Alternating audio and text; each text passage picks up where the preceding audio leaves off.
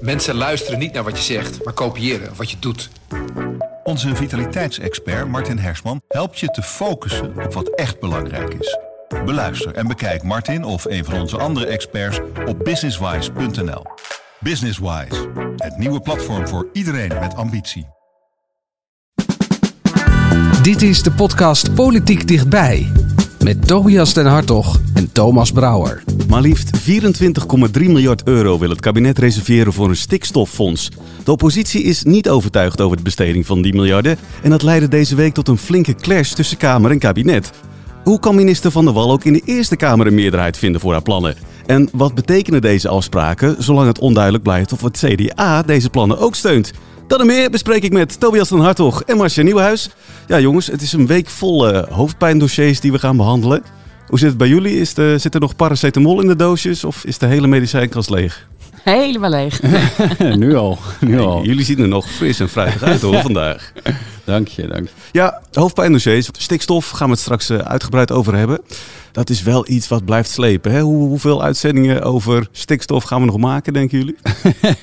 Als je asiel en stikstof en klimaat neemt, hè, dat zijn toch wel een beetje de, de thema's die uh, uh, groot waren voor dit kabinet en groot blijven voor dit kabinet. Ik denk dat we hier nog heel wat uitzendingen aan gaan vullen.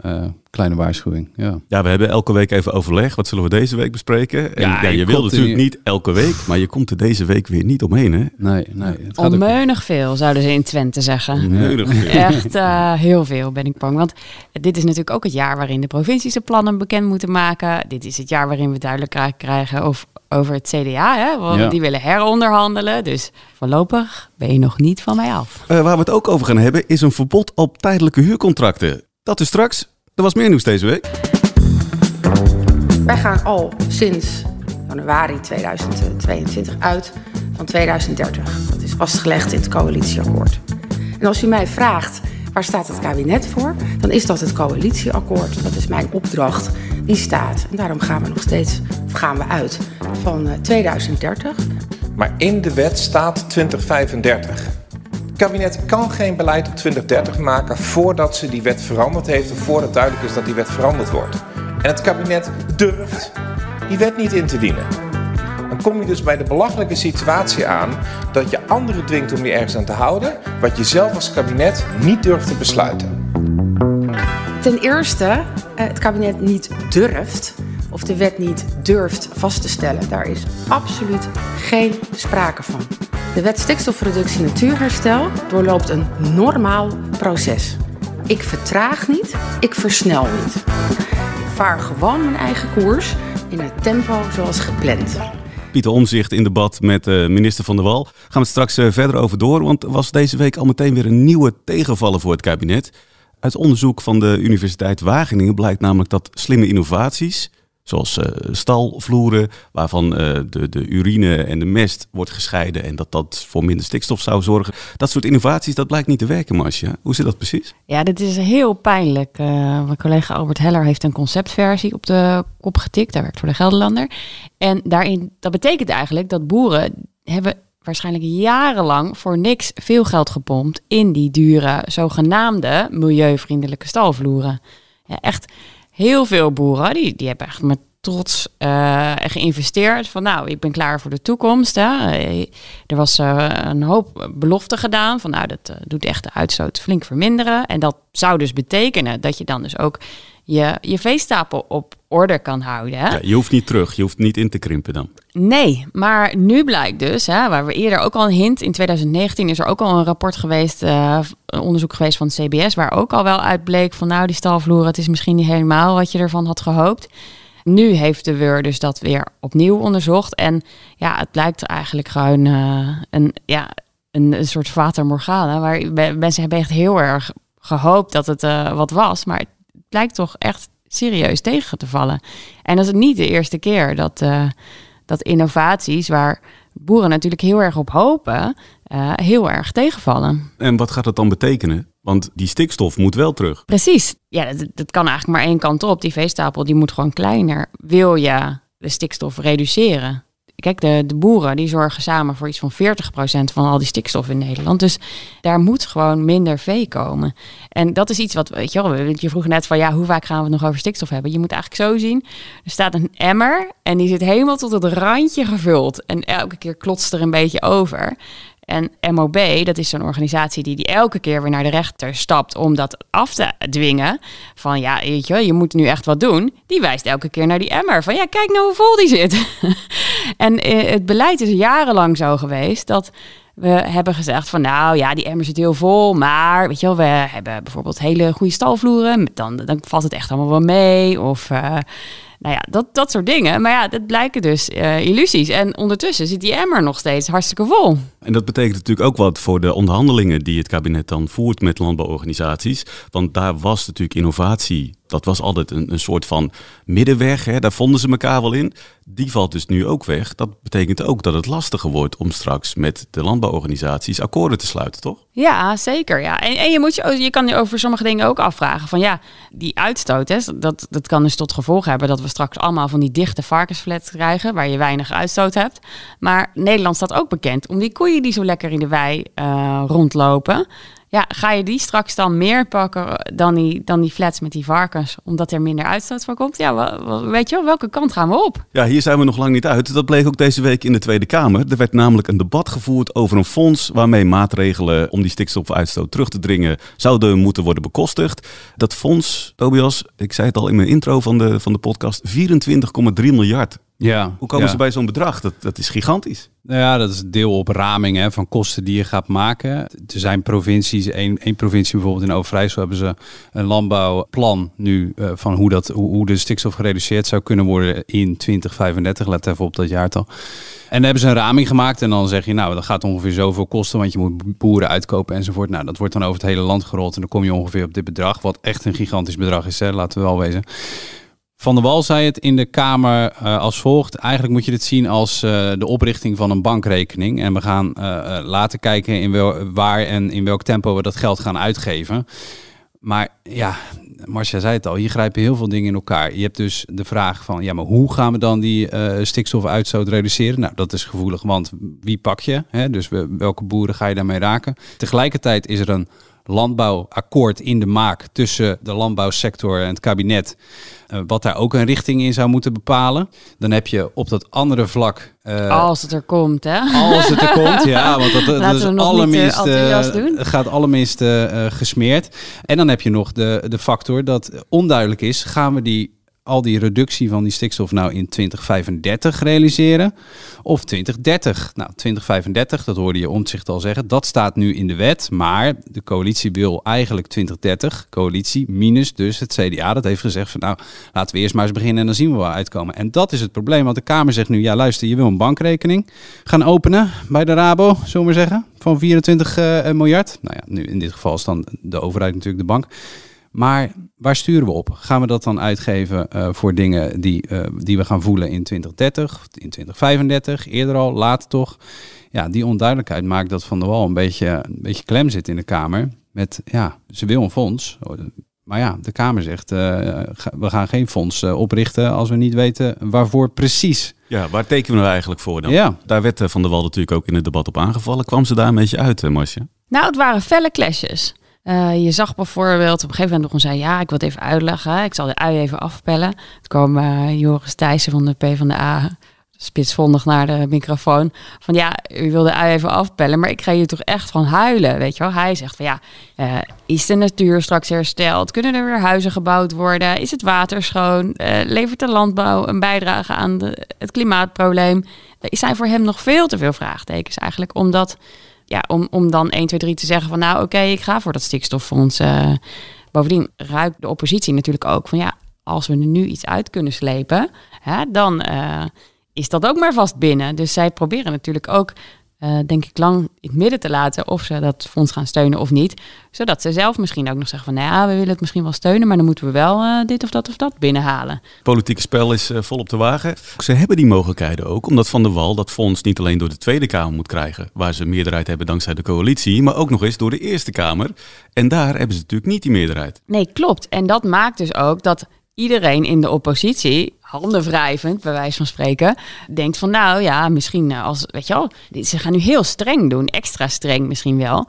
Uh, omdat ze voelen natuurlijk ook dat er, dat er mogelijk iets te halen valt, weet je wel. En bij BBB zeggen ze ook van ja, maar we moeten eerst precies weten hoe de amendementen zijn en waar wij moordicus op tegen zijn, zoals voorstellen leiden tot versnelling van uh, de stikstofopgave, hè, in plaats van 2035 richting 2030. Nou, dan uh, zeggen zij gaan wij mooi niet steunen. Dat soort dingen moeten dan allemaal verworpen zijn. Ja, dus eigenlijk heeft Van der Wal twee keuzes. We gaan of meer richting BBB om die meerderheid in de Eerste Kamer te halen, of we kijken meer naar PvdA GroenLinks, die natuurlijk heel anders kijken naar, naar de voorwaarden die er aan zo'n fonds moeten zitten. Ja, terwijl bronnen op het kabinet die denken wel van nou, zo vaak gebeurt het niet dat er zoveel geld. Hè? Ik bedoel, we hebben hier wel zo minder uh, om tafel gezeten. 24,3 miljard is echt niet niks.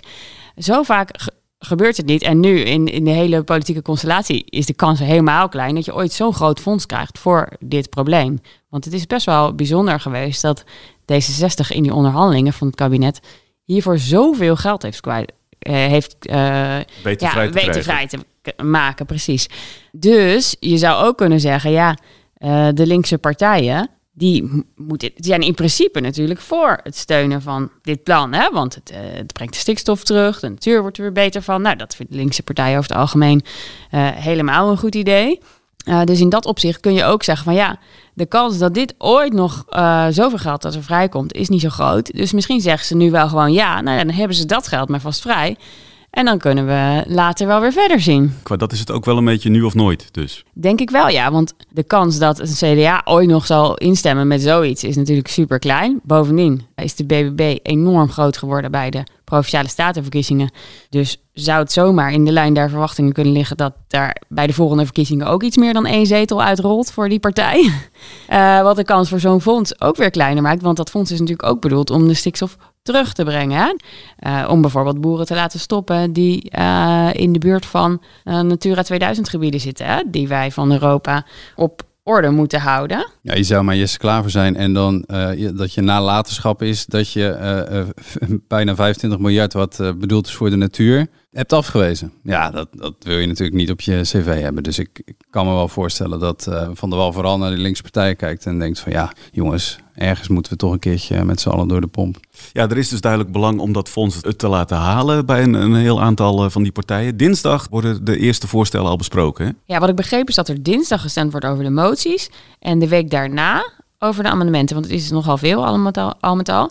En je wil natuurlijk ook weten, nou ja, welke van mijn moties hebben het gehaald. Hoe kan je die wet misschien nog een beetje aanpassen, zodat er wel meer steun voor is. Uh, dus dat dat in twee delen wordt opgeknipt. En dan, dan bij dat laatste deel zit dan ook de grote bubs van het geld zelf waarover gestemd wordt. Ja, ja, ja. Nog, wel één dingetje. Hè. Je hoorde, het is toch wel wonderlijk hoe dat gaat. Wanneer stonden we bij, zeg maar, bij het uh, touwtje van uh, het ministerie van Algemene Zaken die avond dat het CDA zei van nou, wij gaan nog eens eventjes op een later moment vragen om heronderhandeling van het jaartal, hè, 2030, 2035. Dat CDA zei nou, het tempo naar 2030 is ons te hoog. Laten we nou eerst maar eens beginnen. Dat hele, die hele avond en die dramatiek enzovoort. En wat, wat kwam er als een soort bezweringsformule uit? Toen kwam premier Rutte, die zei, ja, we gaan, uh, we gaan versnellen. We gaan maar niet stoppen op stikstof. Uh, eh, CDA gooit de remmen niet op. We gaan versnellen. Nou, toen kwam er later een Kamerdebat. Toen zei hij, ja, versnellen. Nou ja, oké, dat was ook een beetje semantiek. En hij kon dan niet, en niet echt uitleggen waar dan de versnelling zat. En nu hoor je Van der Wal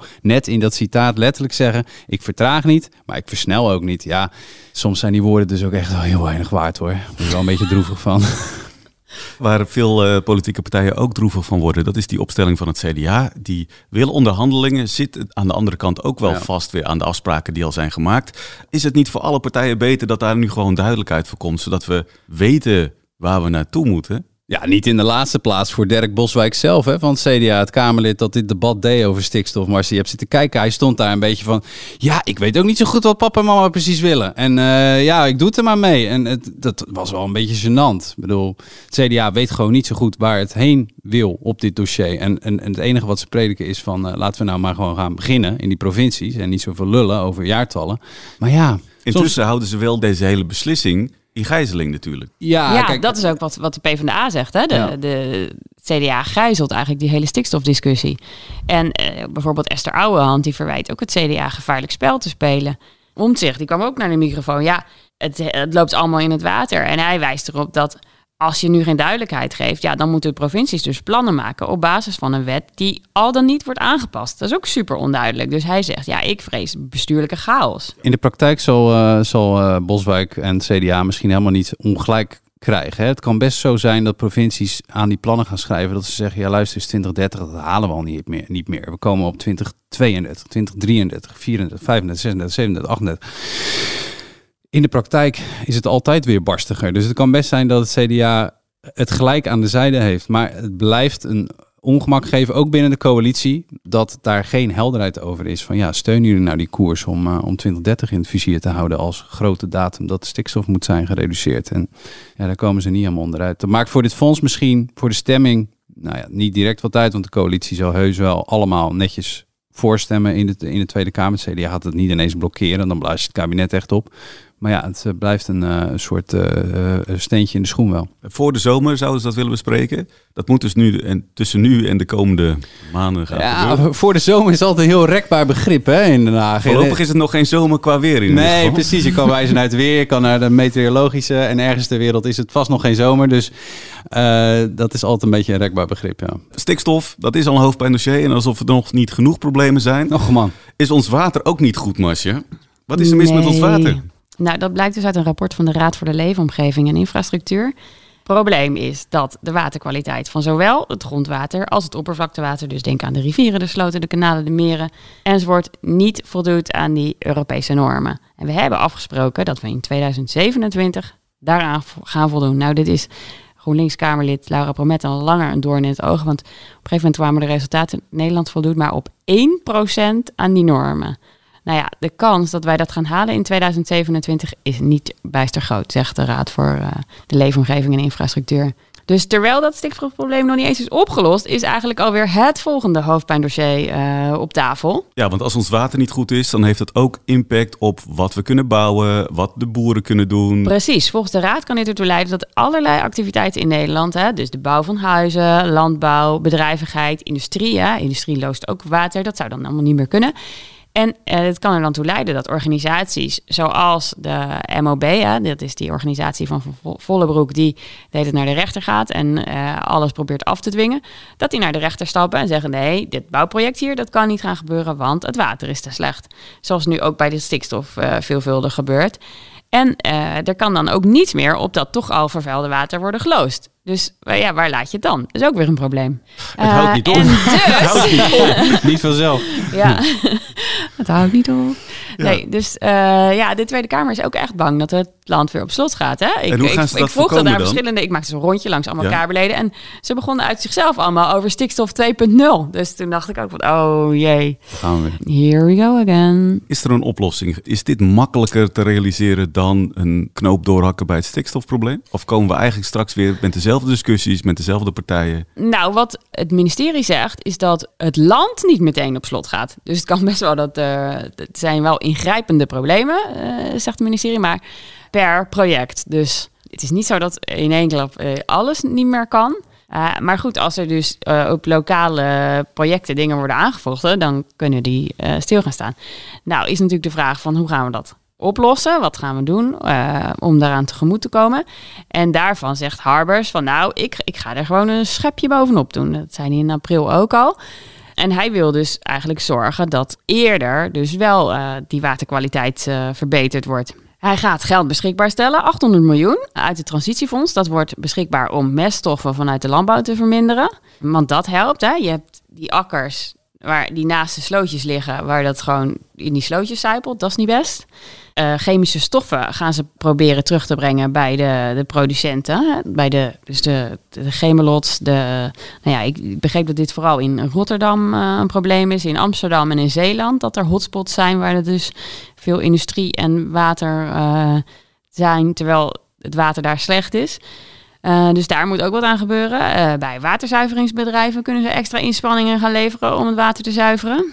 Uh, hij gaat elke twee maanden, roept iedereen bij hem op zijn matje, van voortgangsgesprek. Dus dat worden denk ik ook gezellige sessies. En hij, ja, hij zegt dus er echt onverminderd in te blijven zetten voor verbetering van die waterkwaliteit. Gaan we ongetwijfeld eh, binnenkort Glas nog, half eh, vol type, hè? die ouders, dat is fijn. Dat is ja. fijn, ja. Nou ja, als het een glas water is, dan... eh, Ja. Goed. Gaan we ongetwijfeld meer over horen. Want eh, met zoveel hoofdpijndossiers, dan is het misschien niet gek dat je eens gaat rondkijken naar een andere baan. Deze week eh, twee CDA'ers die, eh, die de Kamer verlaten. Eh, Agnes Mulder en Jaco Geurts, die gaan wat anders doen. Dat zijn wel weer twee CDA'ers. Dat is geen toeval. Jawel, dat is compleet toeval. Gewoon doorlopen, niks aan de hand hier mensen. Nee, het gaat uitstekend met het CDA. Dus dat daar mensen ineens van, eh, van de boot afspringen, daar moet je helemaal niks achter zoeken. Ja, die, die cynische ondertoon. Waarnemend burgemeester ergens worden. Ja, en, en, Ook eh, nog eens, hè? dus niet eens een echte burgemeester. Maar Ja. ja. goed, misschien hoopt hij dat hij Nou, daarna kijk- echt burgemeester wordt. Maar Eh, dit zijn wel langzittende Kamerleden. En dat zij op enig moment iets anders gaan doen. Maar het- de timing is natuurlijk wel... Ja, CDA ligt op zijn gat. Het, eh, bij de Provinciale Statenverkiezingen afgestraft. In een coalitie die nou ja, zich nog niet echt heel erg uitbetaalt voor hen. Hè. Eh, in een moedje, dat huwelijk. Ja, en dan, dan weggaan, in, midden in een regeerperiode. Ja, eh, je kan zeggen, er zijn, liggen prachtige banen nu ineens voor ons en zo. En we hebben het verdiend al die jaren werken. Maar ja, het timing blijft eh, opvallend. Ja, ze worden wel vervangen. Er zijn wel mensen die weer die, Ja. die kamer willen. Eline Vedder en Bart van der Brink. En met name die laatste, dat is geen onbekende. Nou, voor jullie in ieder geval. Voor het grote publiek misschien eh, wel eh, iemand die we, die we nog niet kennen. Maar Bart Ja. van der Brink... ja, voor de mensen thuis die misschien Jack de Vries kennen. Hij was eigenlijk de vroegere Jack de Vries. Hè? Jack de Vries was Spindokter. van Balkenende, de rechterhand. Weet je wel, toen je dat hele gedoe had met u draait en u bent niet eerlijk. Dat kwam allemaal uit de ko- koker van eh, Jack de Vries. Hè? In de tijd met Bos en Balkenende. En dus, de, dus eigenlijk zijn opvolger, hè, die nu bij, de, bij het CDA alle ehm, politieke praatjes eh, bedenkt. Zou ik het wel zeggen, toch? Ja, Zo, zeker. Zeker, ja. Die stapt nu even in de kamerbankjes. Hij stelde zich deze week zelf even voor. Ik ben eh, Bart van der Brink. Eh, hoe oud ben ik? Even denken. eh, 78, 23, 2023. Ik word dit jaar 45. Ja, ik ben 44. Ja, kom maar. Ja. Ik ben eh, Bart van der Brink. Ik ben eh, 44 jaar. Ik eh, woon met mijn vrouw en drie kinderen in eh, prachtige Amersfoort. Dat ik al jarenlang hier eh, werk, achter de schermen. En dat ik vanaf vandaag voor de schermen sta. Dat is gewoon een hele andere rol, een andere verantwoordelijkheid. Ehm, en dat is gewoon spannend. Ik kijk er ontzettend naar uit om eh, met al die CDA's samen te werken. eh, om onze idealen van de christendemocratie in de praktijk te brengen. Maar ik hoop ook echt dat ik eh, met heel veel mensen hier in de Tweede Kamer kan samenwerken van andere partijen. Want er is enorm veel te doen. Ja, een pareltje van de communicatieafdeling van het CDA. Ik hoorde overigens dat zijn vrouw heeft daar hand in gehad. Die zei de vorige keer dat de lijst gemaakt werd van... eh, weet je wel, waarom ben je steeds achter de schermen? Waarom ga je niet zelf eens een keer Oh ja? Ja, dat las Maar ik ergens. dat is dus wel een drang die bij CDA Spindokters zit om toch op een gegeven moment ook eens naar de voorgrond te, te gaan. Ook bij VVD'ers zie je het wel. Eh, De, de lijst is lang. Hè. Je hebt, het is al begonnen onder eh, eh, Lubbers. Had je Jan Schinkelzoek, die eh, eh, woordvoerder was, die eh, Kamerlid was. Pieter Heerma is voorlichter geweest van de fractie. Ook bij de VVD zie je het ook. Hè. Pim van Strien, Tom van Kamp, eh, eh, Caroline, of eh, Sophie Hermans. Eh, ja, het zijn allemaal PA's, mensen achter de schermen, eh, die dan toch een keer denken van, nou, ik, ik weet nou al zoveel van die dossiers. Ik heb ook wel wat te vertellen. Ik, eh, ik doe een stap naar voren. Het is En ook het- een heerlijke leerschool natuurlijk. Want je zit gewoon op de achtergrond. Je Ja. kan alles zien. Je kan precies zien wie er waarop op zijn bek gaat. Ja. Dus je weet precies hoe het niet moet. Ja, en dan is het nog steeds wel spannend als je het licht instapt, denk ik. Maar Ja, want gaat het dan vaak goed met spindokters die Nou, in, in eh, het licht stappen? Heerma is, eh, is eh, fractieleider geworden. Ermans is eh, fractieleider. Dus op zich, ja, dat is... eh, Gaat het ook goed met die partijen? Nou ja, dat kun je afvragen natuurlijk. Maar als je qua naar positie heeft dat zeker slagingskans. Maar wat opvallend, ja, wat, wat opmerkelijk is hieraan is.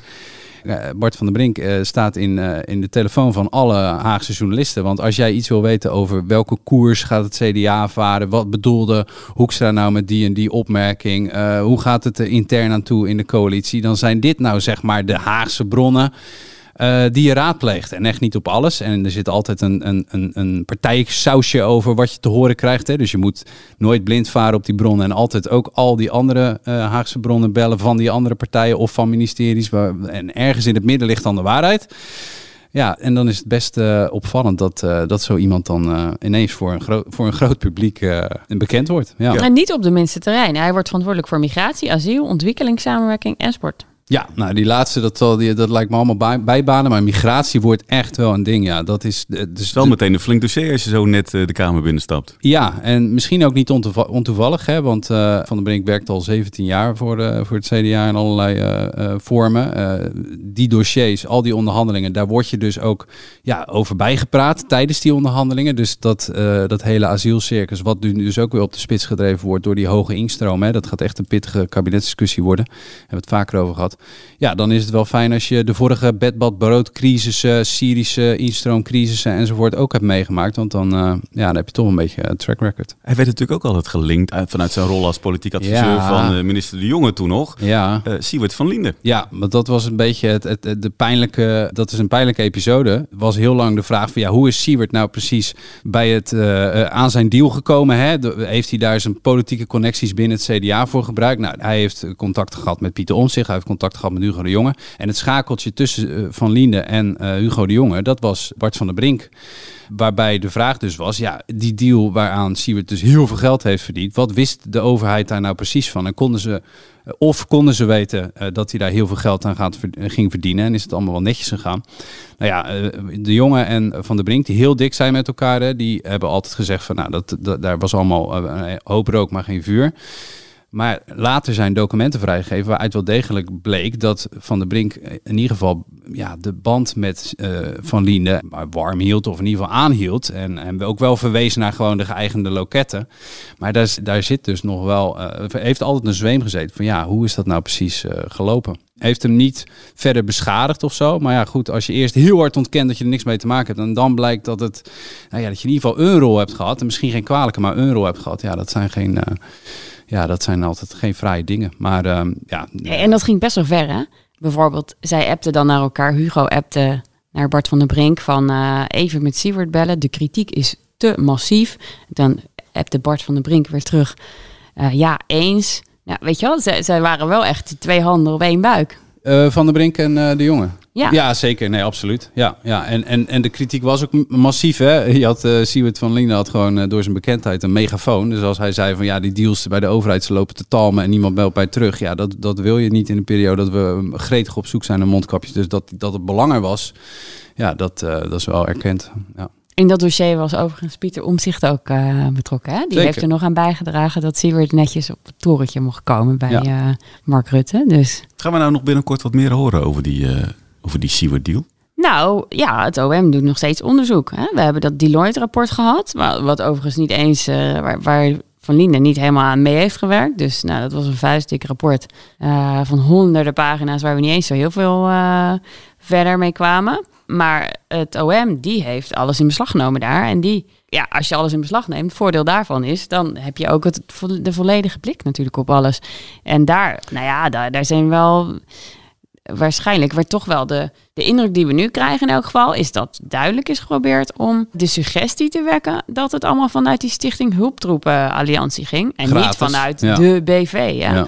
En als je hebt gezegd dat je alles om niet doet, uh, in het eigen reclamespotje zei Siewert van Linden dat. Ja, dan, dan lijkt mij dat er toch wel iets uit zou kunnen komen. Ja, en de, de vraag is alleen wel, heeft de OM inderdaad volledig overzicht? Hè? Want vlak voordat uh, dat de invallen werden gedaan enzovoort, gingen nog mailtjes rond van, nou, ik ben mijn mail alvast aan het opschonen en zo. Dus ja, hopelijk hebben ze het hele overzicht dan. Nou ja, wie weet uh, horen we dus nog wel wat meer uh, van Van de Brink en uh, zijn verleden in deze, in deze affaire. gaan we het hebben over de huurcontracten. Ja, dit is echt een Ging hele... niet meteen heel makkelijk. Nee, hè? nee, dit is echt een hele rare, ja, een beetje soapachtige toestand.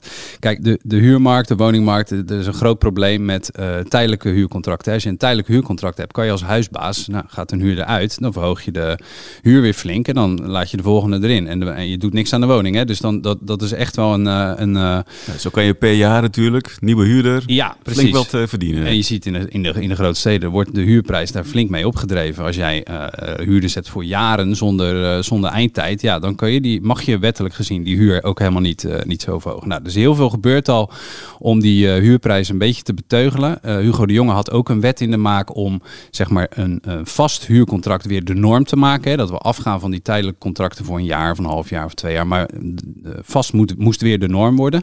Toen zei uh, uh, de PvdA en ChristenUnie, nou, we hebben een initiatiefwetsvoorstel daarover in de maak. Eh, toen zei de jongen, nou eh, weet je, de, prima, eh, initiatief uit de Kamer, ik eh, parkeer hem even. En toen gebeurde het. Althans, toen gebeurde er iets. CDA en VVD die kwamen met eh, in het debat, toen het ging over die wet van ChristenUnie PvdA, met aanvullende eisen, met uitzonderingen. Maak nou uitzondering op dit, maak nou uitz- uitzondering op dat. En daar is de PvdA met name heel boos over geworden. Die hebben gezegd van ja, maar dit is, je torpedeert daarmee de wet. Eh, zelfs nog de suggestie gewekt door Henk Nijboer, Kamerlid van de PvdA, van ja, dit, is dit niet stiekem ingestoken door Hugo de Jonge? Hè? Want jullie, hè, die had zijn eigen wetje en zo. Is dit niet via hem, eh, worden jullie niet gebruikt om eh, eh, het wetje van on- onze wet dood te maken? Nou, eh, CDA weer over de pis. Eh, nee, dat is allemaal niet aan de hand. En, nou, waar het nu uiteindelijk op neerkomt, is dat we toch weer een beetje terug zijn gegaan naar. Hè, de, de wet gaat door, dus als die, en die wet gaat het halen in de Tweede Kamer, maar dan wordt een vast huurcontract weer de norm. Maar Uitzonderingen. uitzonderingen. En dat is wat de PvdA en- en ChristenUnie aanvankelijk dus niet wilden. En nu waarvan ze nu zeggen, nou oké... eh. Op zich valt er voor die uitzonderingen best wel wat te zeggen, toch? Ik bedoel, dat is dat je bijvoorbeeld mag kunnen proef samenwonen. Nou, stel je hebt beide een huis. Je denkt van, nou, misschien wordt het wat, misschien niet. Stel dat je nu in de huidige woningmarkt dan je woning zou verkopen. Ja, dan mag je daarna tegen een gigarente. daarna, als het toch niks bleek te zijn, weer een nieuwe woning kopen. Ja, het is dan best wel prettig als je nog eventjes Als je hem tijdelijk kan mag proef kan eh, samenwonen. En ik denk van, ja, shit, die vent, het is toch niks. ik, eh ik ga weer lekker naar mijn eigen huis. Ja, en, dat, en, en die uitzonderingen gelden voor studenten, voor mensen die eh, tijdelijk een, een woning nodig hebben, zoals daklozen, iemand die tijdelijk elders gaat werken en dus wonen. Dus, Of dus voor je kinderen. Als je kinderen, eh, stel je hebt nog een huis en je, je wil bijvoorbeeld zelf een nieuw huis kopen en je kinderen in je eigen huis laten wonen of andersom. ja, Dat kan dan ook. dat zijn, en dat zijn allemaal uitzonderingen waarvan dus ja, aanvankelijk best hoog van de toren is geblazen van ja, dit, dit maakt de wet eh, eh, onwerkbaar. Eh, maar van, waarvan de PvdA nu toch, nou ja, de, en, en de ChristenUnie de knopen hebben geteld en hebben gezegd van nou, eh, het uitgangspunt blijft redelijk overeind. De uitzonderingen zijn te accepteren, dus eh, eh, eh, recht zo die gaat. De wet is erdoor. Is iedereen blij dan? Nou, ja en nee. Kijk, ja, dat de, het uitgangspunt van vasthuren, dat dat weer de norm wordt, dat, is, dat wordt onderschreven. Maar er zijn nog wel zorgen, met name over, het gaat om zo'n 140 tot 220.000 eh, mensen die zeg maar een eigen huis hebben en één woning ernaast. En die verhuren ze. Stel nou dat die mensen toch koudwatervrees krijgen en zeggen van nou, ik ga eh, dat huis eh, eh, zelf bewonen of ik ga het toch verkopen. Hè, want je hebt een huis over, het is eigenlijk een soort beleggingsobject waar je dan huur uit haalt, waar je lang niet altijd rijk van wordt. Maar hè, als die mensen toch besluiten de, die, die woning van de huurdersmarkt te halen, en daar zijn echt wel zorgen over dat, dat mensen dat gaan doen, ja, dan verklein het aanbod dus in één klap weer met eh, 140 tot 220.000 woningen. En dat zit hadden al een mensen tekort, niet- natuurlijk. Ja, we hebben al tekorten, dus dat, dat zit eh, mensen niet zo lekker. Maar ja, goed, de, de meerderheid van de Kamer denkt, met name door die uitzonderingen, dat dat niet direct gaat gebeuren. Dus nou, op hoop van zegen. Oké. Als we dan kijken naar volgende week, dan, eh, dan gaan we het natuurlijk hebben over dat stikstoffonds. Eh, meer dingen die op de agenda staan? Ja, rood omcirkeld in de agenda is eh gehaktdag. Dat klinkt als, eh, als, als, als weer een heel gezellig dossier. nee, nee, nee. waarvoor we is- de paracetamol kunnen inslaan. Eh, Nee, valt mee. Maar dit is, dit is het jaarlijks eh, eh, terugkerende fenomeen verantwoordingsdag. En eigenlijk eh, is dat ooit in het leven geroepen, echt eh, 23 jaar geleden al, is dat ooit in het leven geroepen om eh, het kabinet zich te laten verantwoorden voor de keuzes die gemaakt zijn in het jaar daarvoor. Hè. Dus we gaan kijken van, eh er is natuurlijk altijd heel veel gedoe op Prinsjesdag over waar gaan we nou precies geld aan geven. Maar er was niet echt een instrument om te kijken van, maar is dat geld wat we hebben uitgegeven nou ook echt goed terechtgekomen? Nou, daar is de rekenkamer, die schrijft daar nu eh, dus al heel lang eh, vuistdikke rapporten over. Van, eh, is het, is het al, geld allemaal netjes besteed? Is het goed besteed?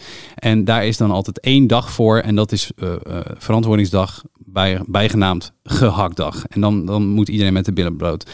Het enige is, het feit dat ik het jou moet vertellen, wil zeggen dat dat niet helemaal is geworden wat men er ooit van, van heeft gehoopt. Kijk, de Rekenkamer die heeft dan eh, een keurig rapportje waarin staat van... nou, dit ministerie heeft eh 1 miljoen uitgegeven aan iets... maar we kunnen niet helemaal eh, goed navinden in de jaars, jaarverslagen... of dat geld nou ja, daadwerkelijk Ook echt daaraan is besteed. ah, daaraan is besteed. Staat nou netjes verantwoord in de administratie? Dat het daar ook naartoe is gegaan. En uh, nou, dat, dat, dat zorgt altijd voor wat ongemak, want het gaat over veel geld. Maar het, het hele grote probleem bij die verantwoordingsdag is dat nog steeds niet helemaal helder wordt of het geld doelmatig wordt besteed.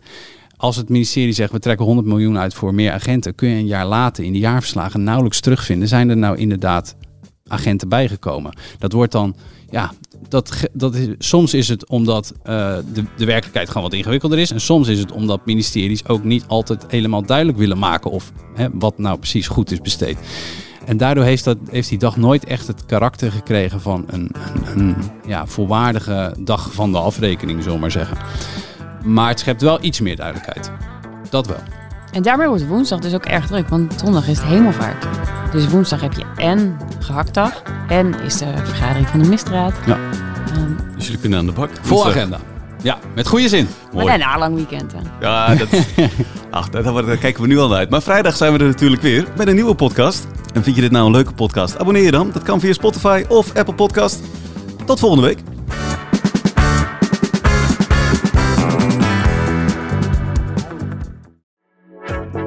Mensen luisteren niet naar wat je zegt, maar kopiëren wat je doet. Onze vitaliteitsexpert Martin Hersman helpt je te focussen op wat echt belangrijk is. Beluister en bekijk Martin of een van onze andere experts op businesswise.nl. Businesswise, het nieuwe platform voor iedereen met ambitie.